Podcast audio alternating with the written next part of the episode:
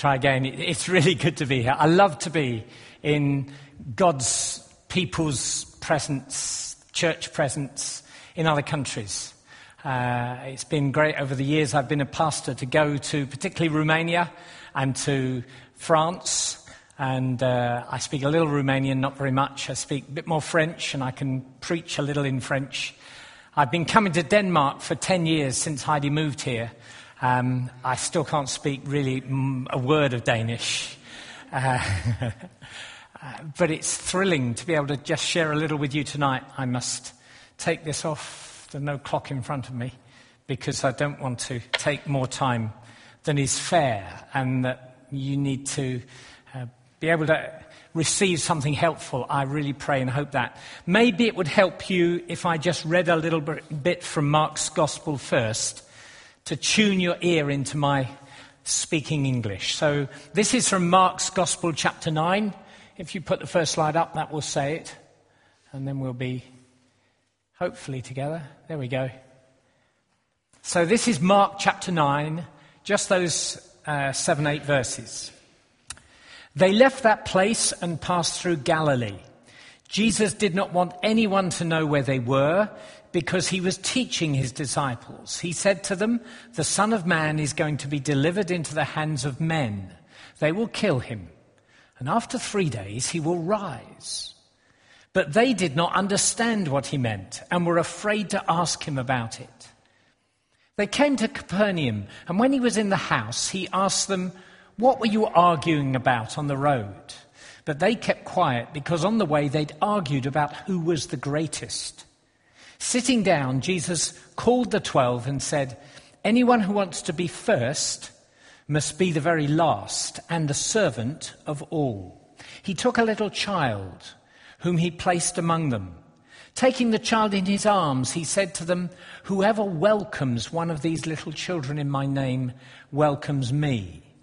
And well, whoever welcomes me does not welcome me, but the one who sent me.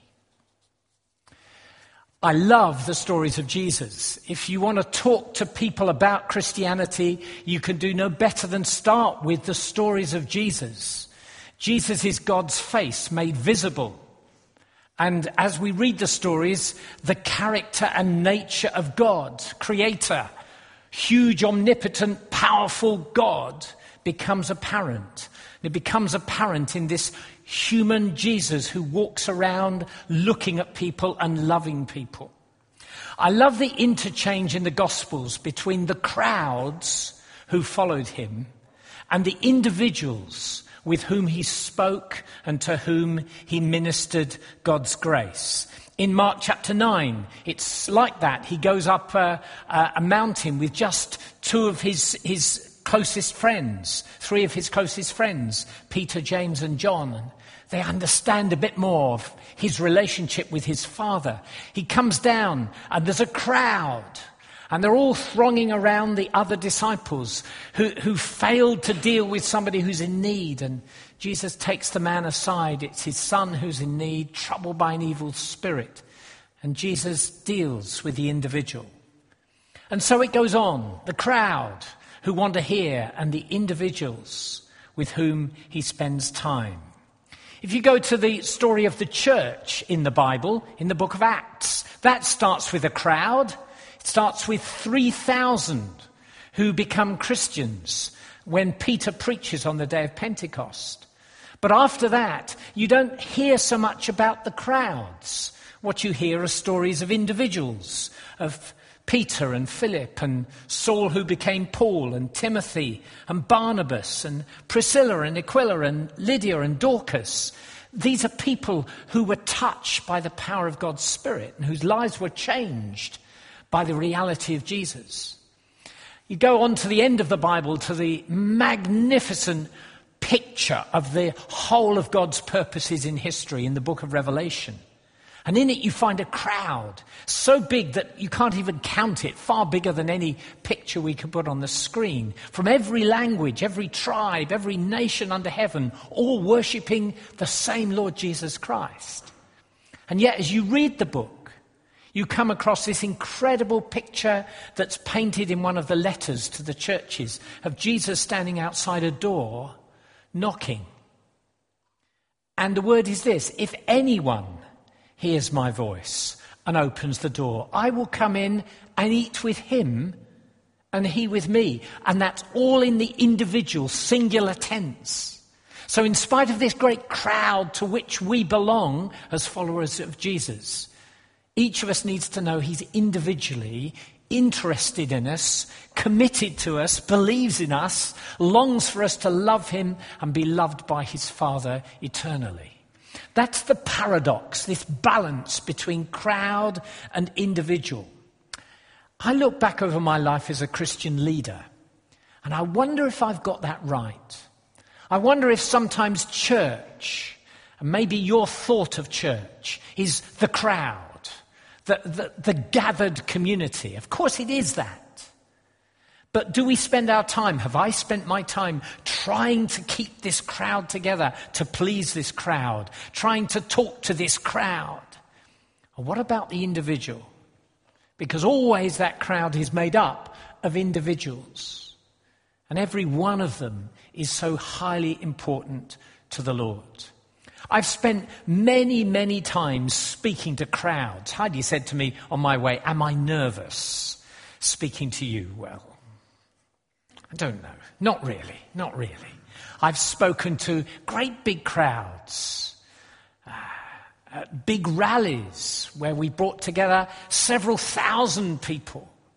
In Romania, after the revolution, they, they just managed to gather almost the whole of a town or a village who wanted to hear this new preaching, and it was quite exciting. I speak to school assemblies with a thousand children. Spoken in all sorts of contexts on a Sunday to 20, 30 people, a couple of hundred people, week after week. But the things I remember most are when I've talked to individuals. And the things that I believe have been most significant are those conversations with individuals that have enabled God by His Spirit to change their lives. I've spent time with hundreds of individuals for all sorts of reasons. Let me just tell you about a few of them. If you put them up one at a time, these are people by name. Elaine, I remember Elaine, a little bit younger than me. She's in her 50s now. She was a student nurse when I first met her, training to be a nurse. And I was talking to a group of student nurses about how they cope with the death of a child. And that so struck Elaine that she sought me out and began a conversation. She's now a mum, grandmum and often writes to me on Facebook, full of the joy of the Lord, serving in a church up north of England. The next person, Mary, only had an email from her while I've been in Denmark. Happily married now, uh, serving God in all sorts of interesting ways. But when I knew her, she was a very, very severely depressed lady. Tried to take her life many times. I spent hours with Mary. More hours than some people thought was right. Not on my own, always with somebody else. Another lady called Jackie spent most of the time together with her. But it wasn't wasted. I see God at work in her now. And I know God was at work in her then. Then I think of Alan, Alan was the husband of one of the church members that I knew very well, Kate. She was a lovely Christian, but Alan, he was a hard, not Christian. He was not going to believe in God.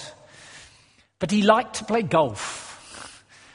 And I asked if he'd mind if I join him one day. So I played golf with Alan. And I played with golf with Alan for many, many years I'll tell you a bit more later, but Alan is now leading, co leading the church that I used to lead down in the south of England. Steve, he's in my church now. When I first came, he wasn't part of the church. He's a head teacher of a school. But he'd seen how God was at work in some of the children in our, through our church The children's work of the church had a huge impact on Steve, and he came to find out what it was all about. He now leads worship in our church. And there's one other lady I've put there called Hannah. She's only been coming to our church a few months. She's a new mum, and she came because of her new motherhood. She needed some friends, and we have a baby group in our church, and she came with her new baby, and she's now part of the church. These are individuals whose lives have been changed by God's love as we've talked with them. I wonder why they came and talked. Some of them because I was a minister, and ministers get people come and talk to us about births and marriages and deaths. And that still happens. But you know, fewer people just come like that to us these days. They're less interested, at least in my country. There are many people who I believe would really like to talk about God. Could there be a God? How could that God be in all the midst of the chaos of this world and the confusion about religion that's in this world? But they're not going to come to church and they're not going to let it be known that they want to ask this question. They're like Zacchaeus. They're going to climb up a tree and try and see from a secret place. But God sees them, God knows them, and maybe you know them. And maybe it's you and I who need to find them and in some way or another, by the way in which God mysteriously works, become a connection for them to meet Jesus and for their lives are to be changed. And I think my ministry has been, on the whole, too much centered about the crowd and not enough about the individual. I think that's changing now, and I believe you, as a new church, with the ways that you're thinking are so well situated to fulfill God's mission in these days. Not being so concerned about how you do it together as a crowd, but how individually you affect people and relate together in your little groups as brothers and sisters in Jesus. Let me take you back to the Mark's Gospel. There are three clues from Jesus that I want to give you and then I'll tell you a little bit more about those people. Here are the three clues. The first clue is we need to understand the gospel. The gospel is not just theory, as Christoph said. It's actually a relationship with God through Jesus. And in Mark chapter uh, 9, verse 31, we read about how Jesus taught the disciples. And he taught them how the Son of Man must be delivered into the hands of men, how they will kill him, and after three days he will rise again. That's the gospel. It's the gospel about the death and resurrection of Jesus. It's absolutely crucial that we start and end with Jesus Christ as the center of our faith and the relationship we can have with Jesus as a living person, not a dead person but somebody who's here for us. Someone who can forgive us, like he forgave people in those stories. Somebody who can heal us and set us free from the powers that actually control us most of the time. How he can love us in a way that no other man or woman can love us, in a way that makes us wholly, wholly accepted give us incredible peace. This is the ministry of Jesus, and he's alive to do that for us today. Jesus came to seek and to save the lost. We sung it, at least in one of the songs that I understand, because it was in English. Uh, you alone can rescue, you alone can save, you alone can lift us from the grave. That's our message. It's not a message of an angry God who's going to judge people and send them to hell. That wasn't Jesus' message. He was angry with the religious people and told them they'd be outcast. But to those who thought they were outcast, he said, The Son of Man to come to rescue you and to give you life, not to condemn, but to save. And that's our message. It's a message of the incredible, gracious love of God.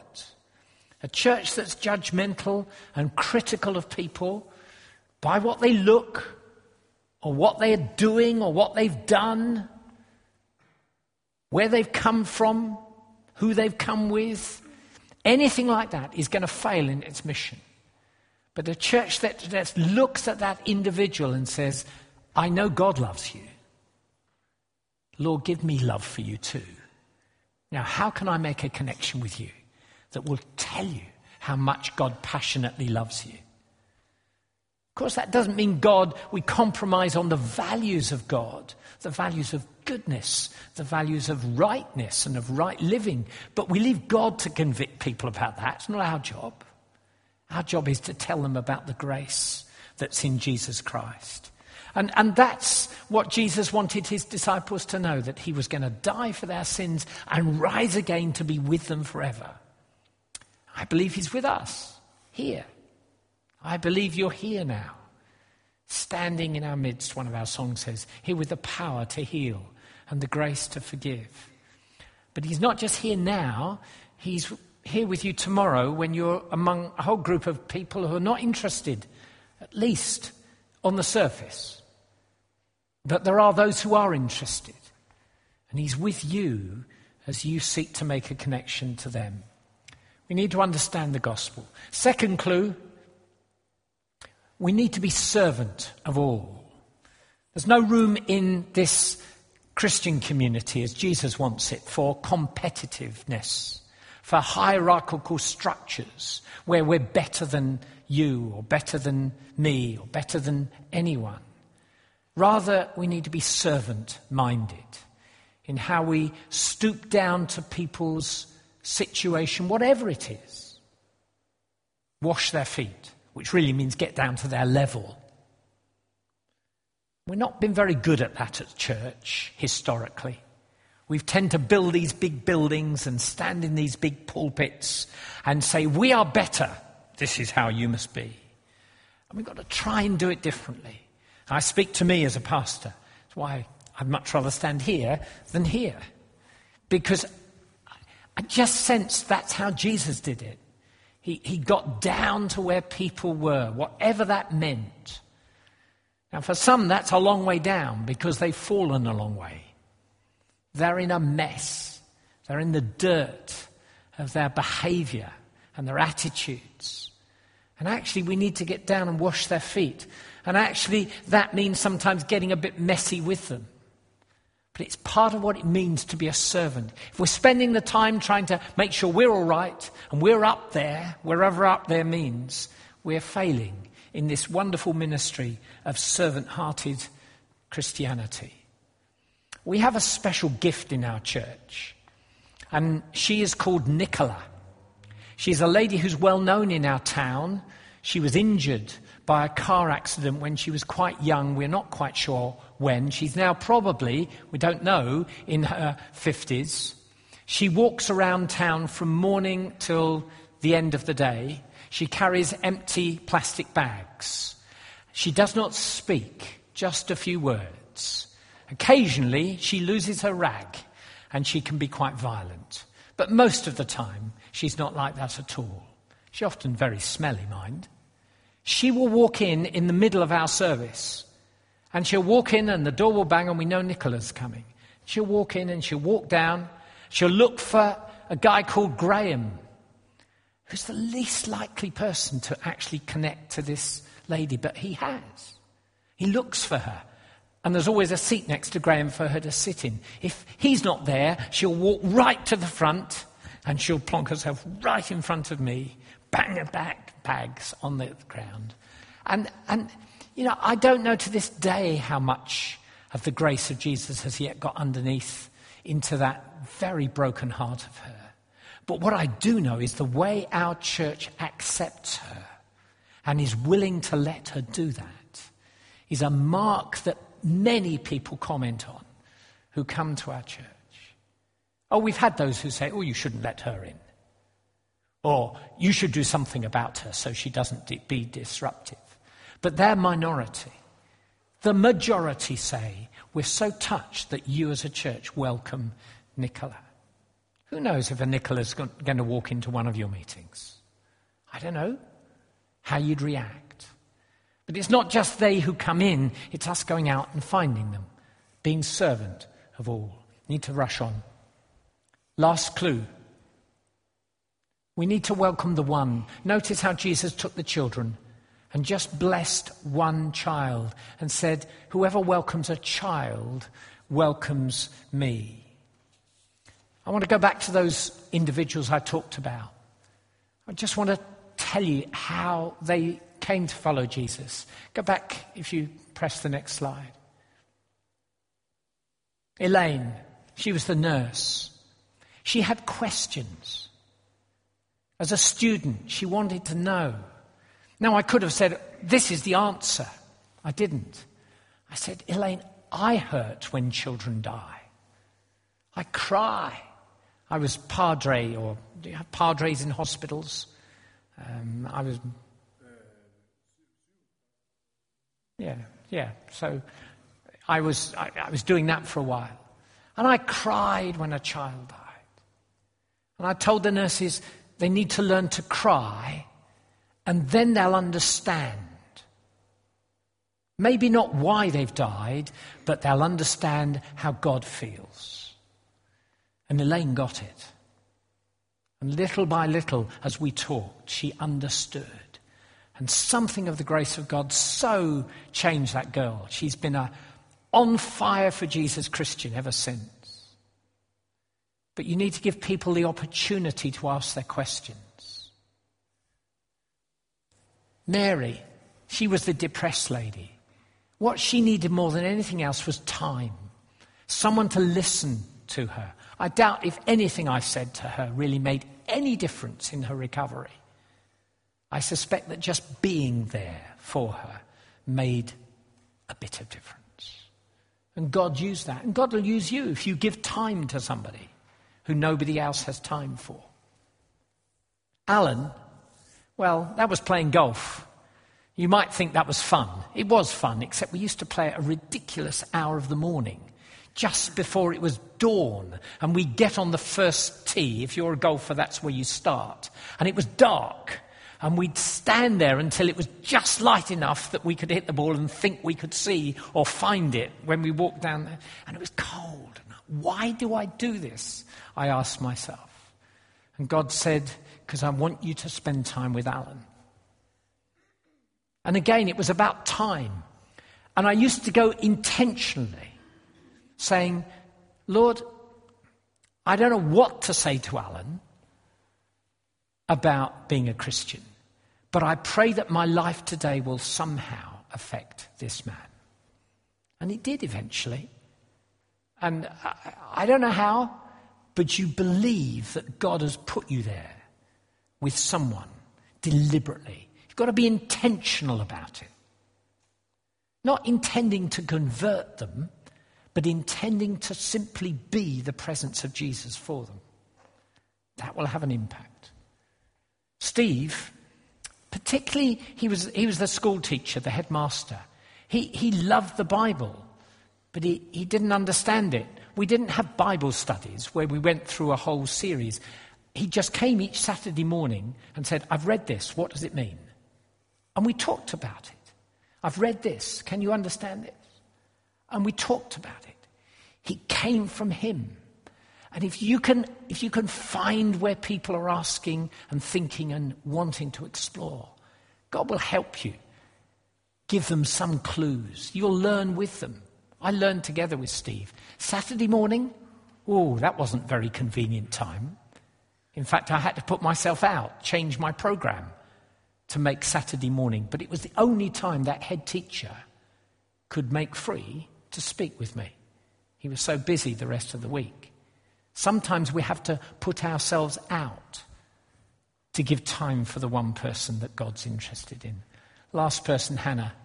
I just wanted to say this that when Hannah, with the new baby, came to church, she's living with somebody, and uh, he's not a Christian.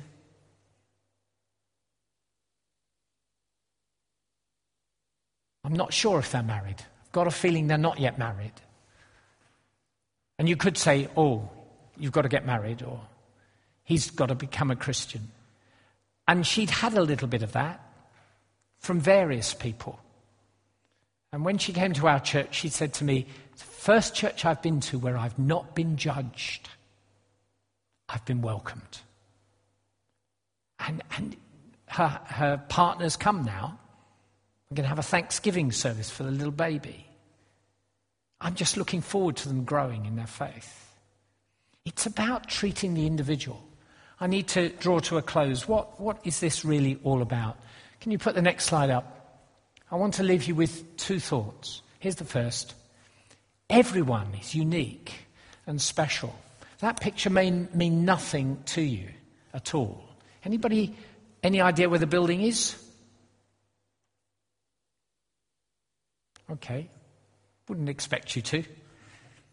It's the Tower of London, in London. All right? Peculiar angle, I know, but it's the Tower of London.